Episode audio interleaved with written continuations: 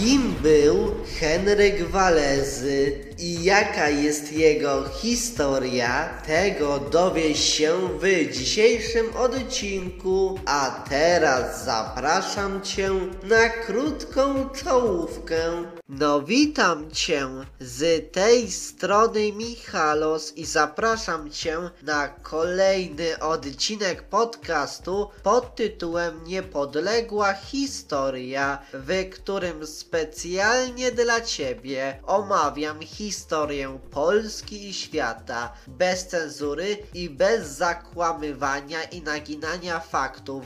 No dobra, no to kim był ten nasz ukochany Henryk Walezy? Otóż Henryk Walezy był pierwszym elekcyjnym królem Polski i wielkim księciem litewskim oraz królem Francji. No dobra, wiemy już to, kim był Henryk Walezy, to więc moim zdaniem teraz warto by było poznać jego historię, jego biografię.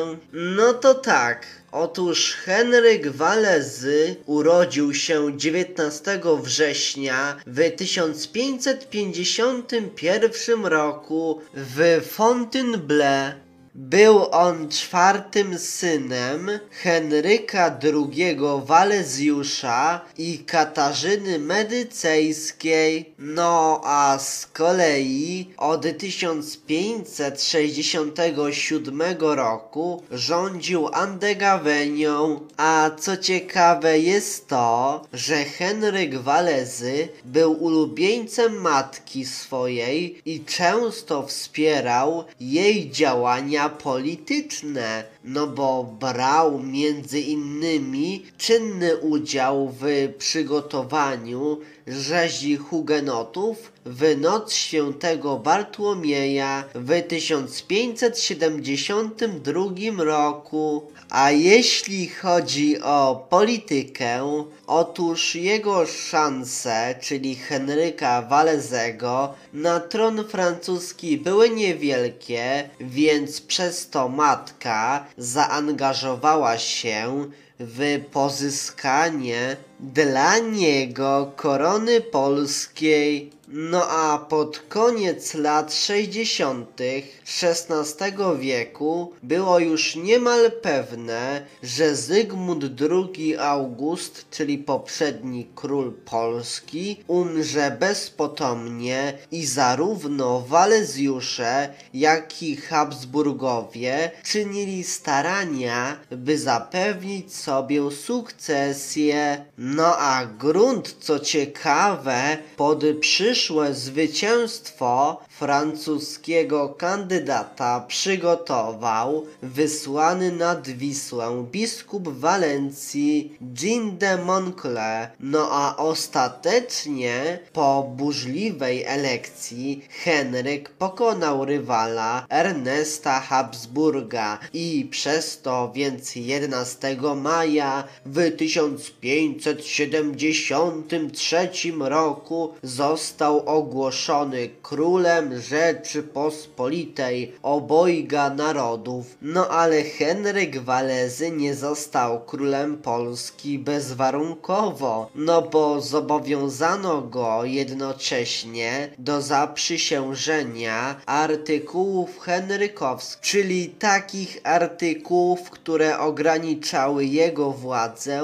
i określały zasady ustroju państwa oraz pactów konwentów, czyli dodatkowych osobistych przyrzeczeń króla elekta. No a do Polski nowy monarcha przybył na początku 1574 roku. No a został z kolei koronowany 21 lutego w katedrze wawelskiej. No a od początku, co ciekawe w ogóle jego rządów, toczył się spór wokół artykułów henrykowskich, których zaprzysiężenie ostatecznie odmówił, co doprowadziło do zerwania Sejmu koronacyjnego, no a mimo składanych wcześniej obietnic, król nie zamierzał, na szczęście oczywiście, podporządkować się stawianym jego władzy ograniczeniom, no a niechętnie patrzył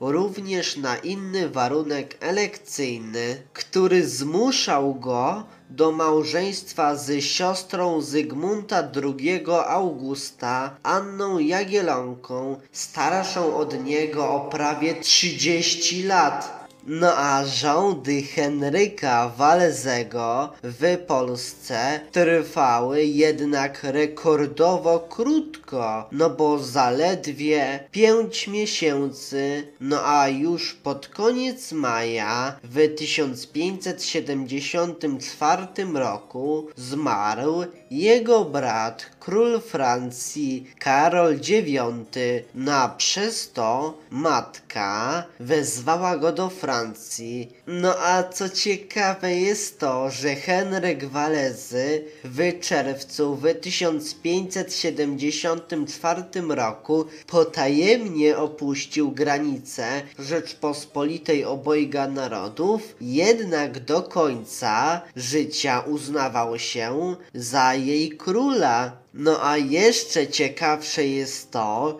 że nie doszło w ogóle do jego formalnej detronizacji, no bo Sejm elekcyjny w 1575 roku podjął jedynie decyzję o nieczekaniu na króla. No a powróciwszy do Francji, Henryk objął władzę po zmarłym bracie. No a w lutym w 1575 roku koronowano go jako Henryka III na króla Francji. No a jego rządy upłynęły na próbach zakończenia trwających od dziesięcioleci w kraju wojen religijnych, oczywiście tutaj chodzi o Francję, w których zresztą nieraz wcześniej brał czynny udział, no a często, co ciekawe, zmieniał sojusze, starając się wzorem matki swojej matulki utrzymać jedność i znaczenie władzy królewskiej we Francji. No a tak w ogóle Henryk Walezy był ostatnim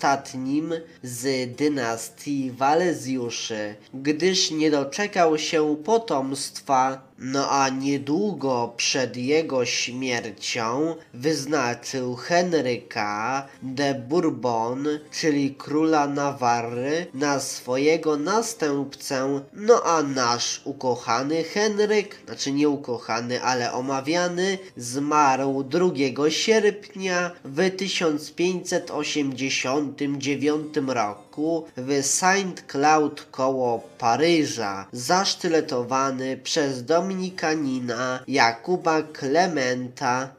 No, tak już bywa. Niektórzy umierają śmiercią naturalną, a niektórzy po prostu giną w zamachu albo w jakimś zamachu typu bombowym, albo po prostu w takim zamachu, gdzie zostają zasztyletowani przez na przykład Dominikanina. No tak bywa, nic na to nie poradzimy. Niestety, ten odcinek dobiega już do końca, więc chciałbym Tobie podziękować za to, że poświęciłeś lub za to, że poświęciłaś swój cenny czas na posłuchanie tego odcinka podcastu Niepodległa Historia. A jeśli spodobał Ci się ten odcinek, to koniecznie podziel się nim z innymi, udostępniając udostępniając go dalej, na przykład za pomocą Messengera, po prostu wysyłając link swoim znajomym do tego odcinka, czy po prostu za pomocą Twittera, czy po prostu za pomocą Instagrama, czy innego narzędzia, czy innej aplikacji social media. Z góry dzięki za okazaną pomoc w takiej postaci. No dobrze, ja muszę się już żegnać z tobą. No to do usłyszenia w następnym odcinku. No to cześć, pa.